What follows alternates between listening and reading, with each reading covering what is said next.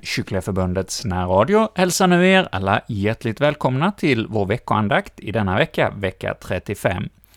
Och jag som är programledare för denna halvtimmes program heter Erik Olsson, och jag tycker alltid det är glädjande att höra av er lyssnare.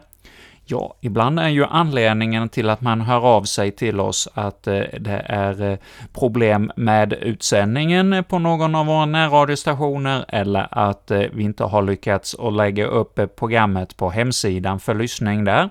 Och det är ju någonting som jag är väldigt tacksam för, att ni hör av er när det strular, så, för det är ju inte alltid jag lyssnar och kollar upp att det verkligen går ut, så då är det bra att någon annan tala om när det blir strul. Men också tack till er som hör av er av andra anledningar. Och häromdagen var det en eh, son till en andaktshållare som jag hade här i somras. Rune Eliasson eh, sände vi en andakt under sommaren, en inspelning från ett antal år sedan tillbaka, och jag sa nog i det här programmet då att jag visste inte när inspelningen var gjord, för det stod inte. Det stod att den var från en kyrkodag i Ökened, men inte vilket år. Och den här sonen till Rune hade lyssnat på programmet och eh, hade dragit sig till minnes att han nog själv hade varit med på den här eh, kyrkodagen och eh, han kom, hade kommit fram till att det var just 1969 inspelningen var ifrån. Så ja, då kunde vi uppdatera vårt ljudarkiv med den informationen. Och ja, då spännande att höra att eh, han själv också hade varit med på just den kyrkodagen för länge sedan. Ja, det var lite information och tack till er som hör av er.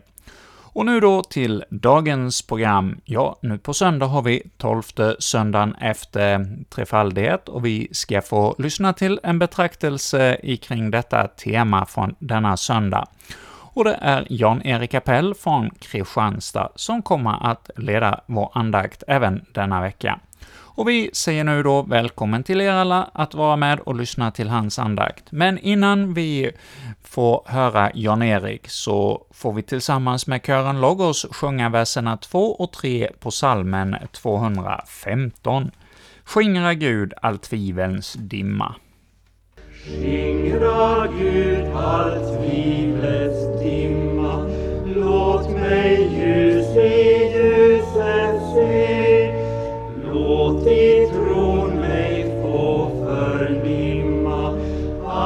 blott du kan frälsning ge. Att den väg som Jesus banat är den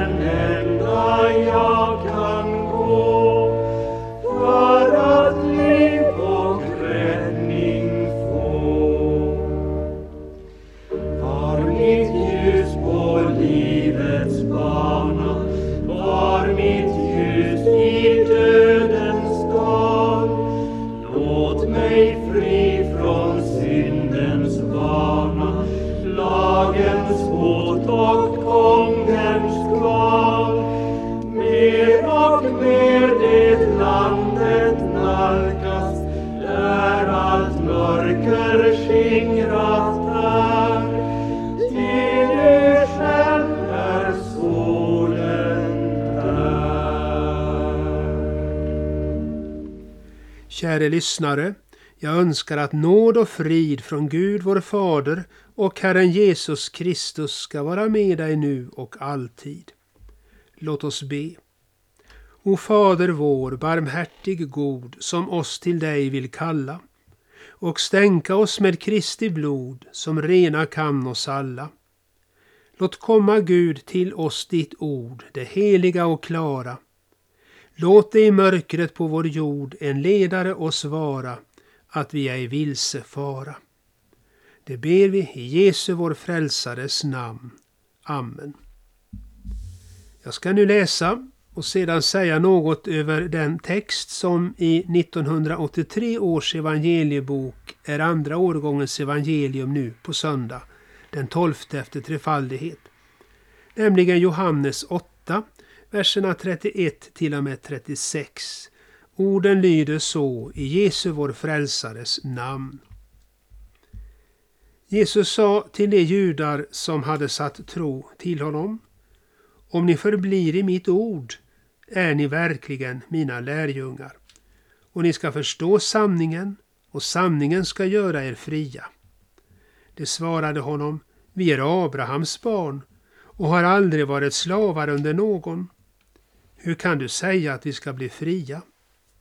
Jesus svarade, Amen säger jag er, var och en som gör synd är syndens slav.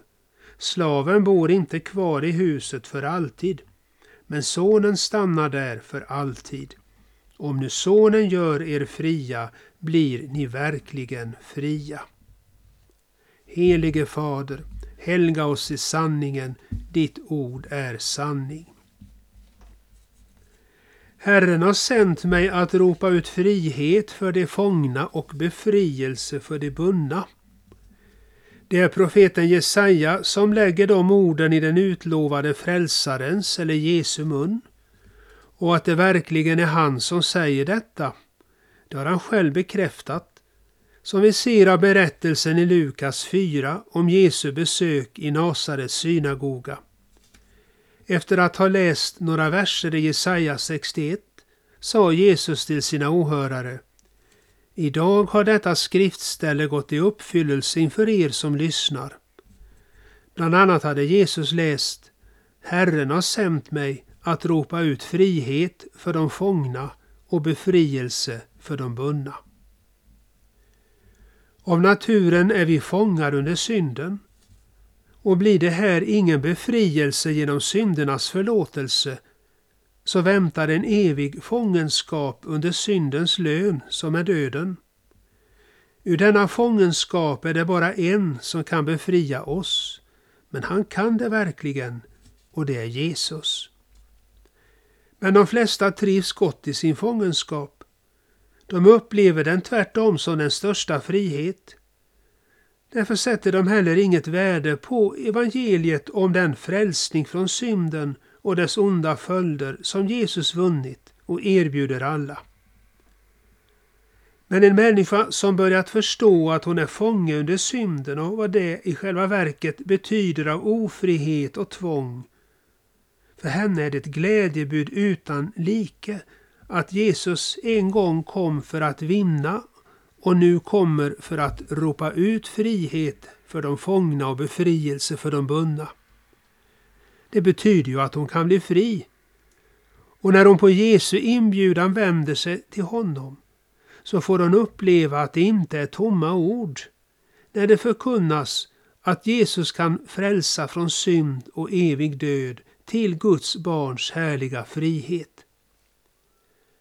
Om den befrielse från fångenskapen under synden som Jesus vunnit åt alla och ger åt var och en som söker den hos honom vill jag säga något med hjälp av den upplästa texten Fångenskapen under synden och befrielsen genom Jesus.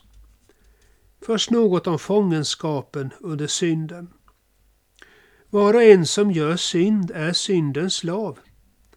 Så hör vi Jesus säga i texten. Syndens slav. Det är en beskrivning av varje människa sådan hon är av naturen. För genom den första Adams fall hamnade alla hans efterkommande, eller hela människosläktet, i fångenskap under synden. Aposteln Paulus skriver om detta i Romarbrevet 5. Genom en enda människa kom synden in i världen och genom synden döden. Och så kom döden över alla människor eftersom alla hade syndat.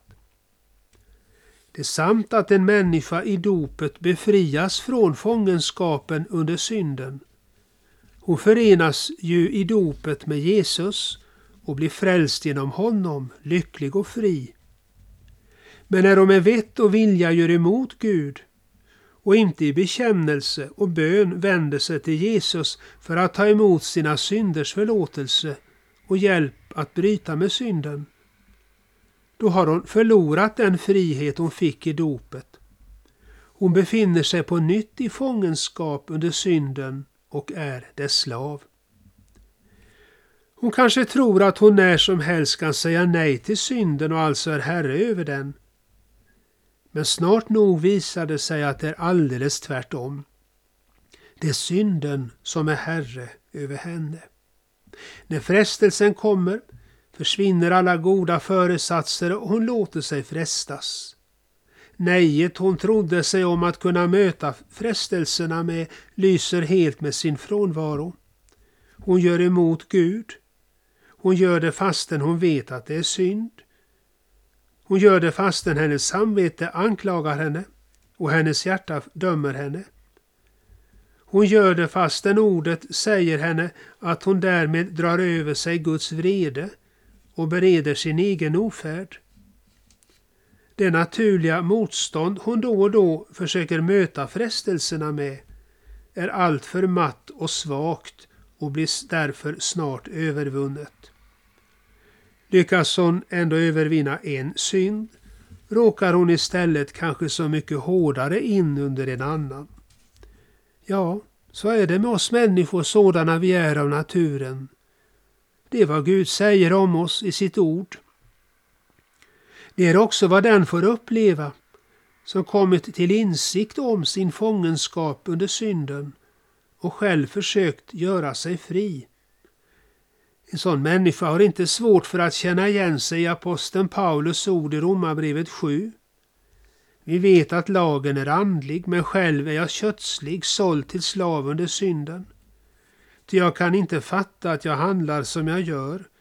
Det goda som jag vill gör jag inte, men det onda som jag inte vill, det gör jag. Jag arma människa, vem ska frälsa mig från denna dödens kropp? Men nu upplevs det inte som någon fångenskap att vara syndens slav. Det upplevs tvärtom som den största frihet. När Jesus talade till judarna om den sanning som kunde göra dem fria stötte de sig på det han sa och svarade honom förargat. Vi är Abrahams barn och har aldrig varit slavar under någon. Hur kan du då säga att vi ska bli fria? Judarna härstammade från Abraham. Därför menade de sig visst vara fria och att det var höjden inte bara av oförskämdhet utan också av orättvisa att beskylla dem för att vara slavar under synden. Något liknande kan vi finna hos andligt likgiltiga människor. Att en sådan människa är syndens slav är inget hon upplever som en fångenskap. Hon menar tvärtom att om någon är fri och oberoende så är det hon. I hennes ögon är det Jesu lärjungar som är de verkliga slavarna. De är ju, menar hon, tvungna att läsa Bibeln och gå i kyrkan, tvungna att lyda tio Guds bud och avstå från mycket som världen tycker om. Men att detta och annat som hör till lärjungeskapet hos Jesus är något Jesu lärjungar gärna går in under och att de i själva verket är de friaste av alla människor, det kan hon bara inte förstå. För den enda frihet hon förstår sig på och det enda hon kallar frihet är friheten att göra som hon själv vill, också när det är emot vad Gud vill. Därför menar hon sig också vara fri när hon obehindrat kan följa sina onda begär. Att hon kan räkna detta som frihet beror på att hennes samvete sover. Men när Guds ord får väcka samvetet blir det fullt klart för henne att tvånget att följa de onda begären inget annat är än just fångenskap under synden. Men så länge samvetet sover tror hon sig alltså vara fri och oberoende. Och liksom judarna sövde sina samveten med att de var Abrahams barn och det därför var rätt ställt med dem, så söver många idag sina samveten med att de är döpta och konfirmerade och alls inte hör till de värsta, utan är hyggliga och är ärbara. Men den fångenskap under synden som alltså inte upplevs som någon fångenskap, den får ett olyckligt slut. Det lär oss Jesus i texten. Slaven, säger han, och menar den som gör synd. Slaven bor inte kvar i huset för alltid, men sonen, fortsätter han, och menar både sig själv. Jesus är ju Guds son, och var och en som genom tron på honom är Guds barn. Sonen stannar där för alltid. Huset Jesus här talar om är Guds rike, som katekesutvecklingen beskriver som ett nådens rike på jorden, där Gud genom ordet och sakramenten erbjuder och skänker människorna sin nåd, och som i himmelen blir ett härlighetens rike, där Gud ger sina trogna evigt liv och salighet. I detta hus är Jesus som Guds son själv arvingen och alla Guds barn medarvingar. För är vi barn är vi också arvingar, Guds arvingar och Kristi medarvingar, betygar aposteln Paulus i Romarbrevet 8. Men i Guds rike får alltså inte slaven bo kvar för alltid. Om man inte här i tiden söker nåd och hjälp hos Jesus att bli befriad ur fångenskapen under synden, så utestänger han sig från möjligheten att i evigheten få dela lott med de rätta arvingarna, med Guds son och Guds barn. Han måste istället uppbära syndens lön, som är döden, eller den eviga skilsmässan från Gud. Därför är inget så viktigt men heller inget så lyckligt som att här och nu få del i befrielsen genom Jesus. Ja, låt oss nu också säga något om den befrielsen genom Jesus. Om nu Sonen gör er fria blir ni verkligen fria. Så heter det sist i vår text. Det finns alltså en som kan befria människor från deras fångenskap under synden. Visserligen bara en enda, men han kan det verkligen. Och denne ende är alltså Guds son. Just för denna befrielses skull kom han från himlen till jorden. Genom att frivilligt låta sig fångas av syndiga människor och föras bort till att korsfästas vann Guds son befrielse åt alla syndens slavar som vi sjunger i en passionssalm. Du blev gripen utav många, överfallen, bunden hårt och i mörkret släpad bort, för att jag, en usel fånge som var snärjd i mörkrets band, skulle lösas av din hand. Men var det verkligen en befrielse Jesus vann åt oss då han led och dog? Att det inte såg ut som en seger är helt klart.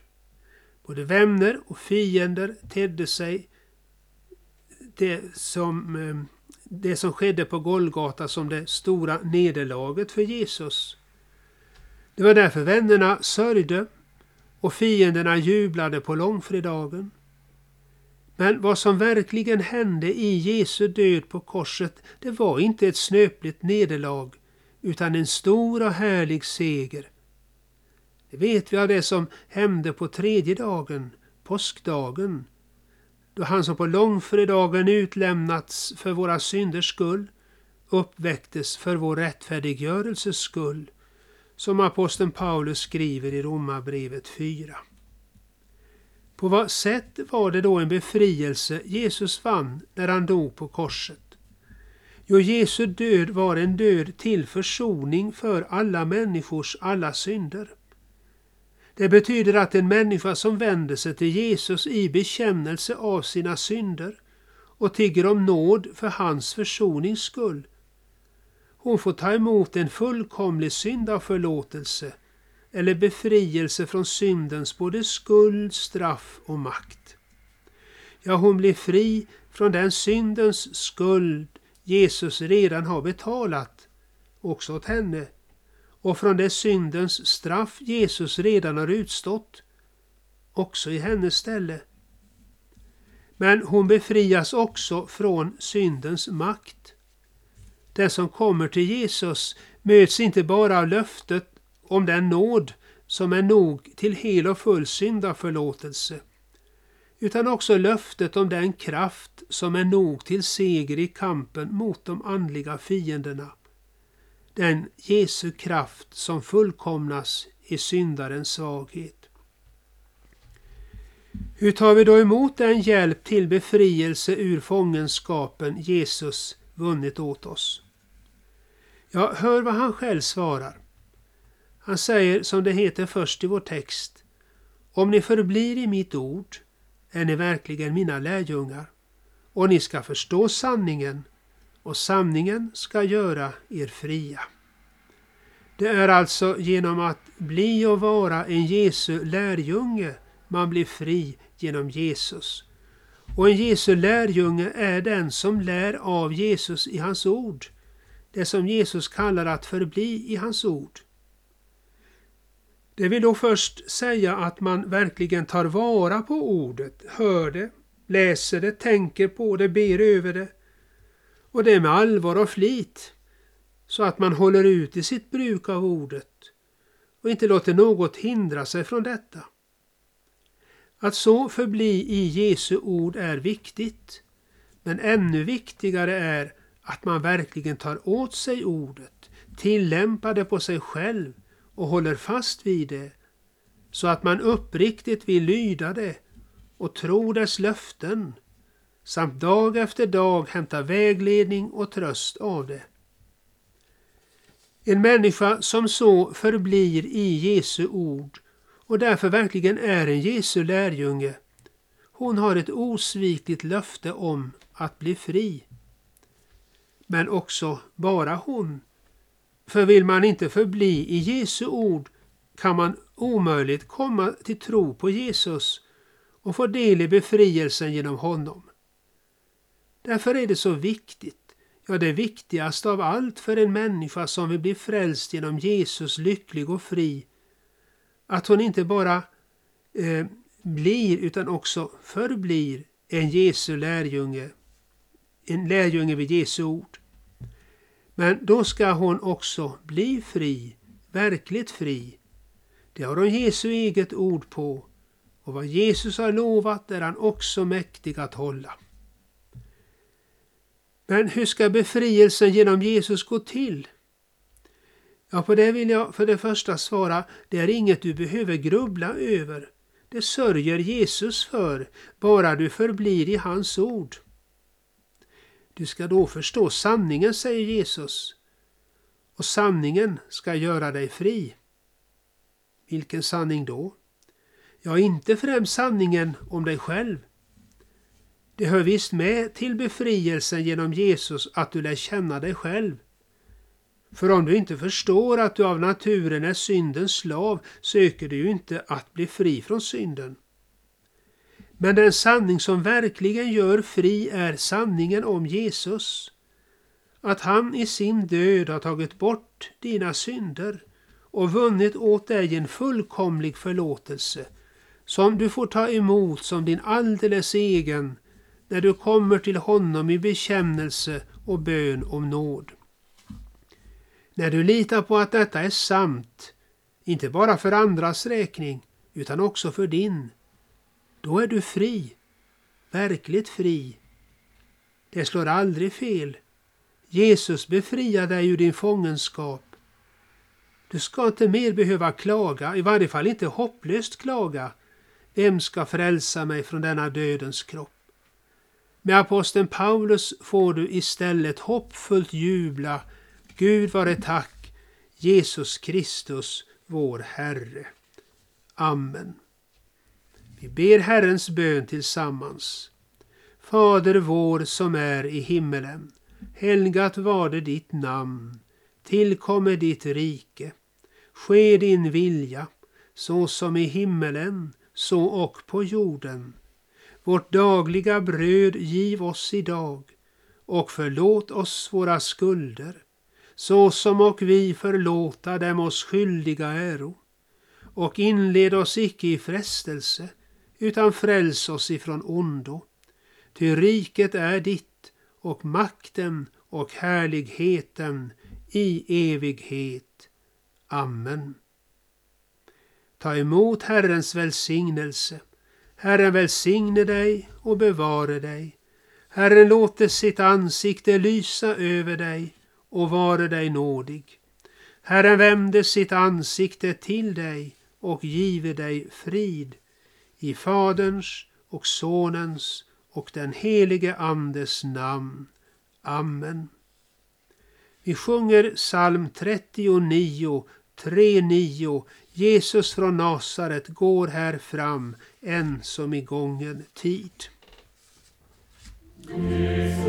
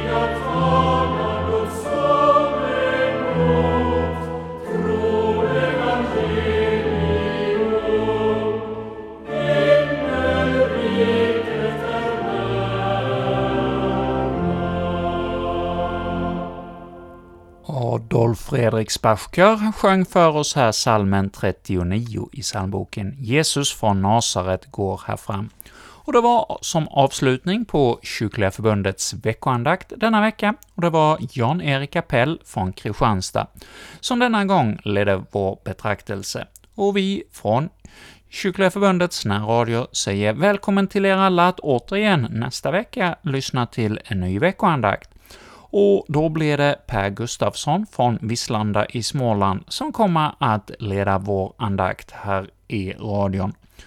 Och ja, du som lyssnar till oss, du har möjlighet, om du då kanske lyssnar till oss på någon av våra närradiostationer där vi sänder andakten, den sänds i Växjö närradio på onsdagskvällar klockan 20 och i Borås närradio på fredagskvällar klockan 19.30 och där sänds också i Borås programmet i repris på lördags eftermiddagar 14.30.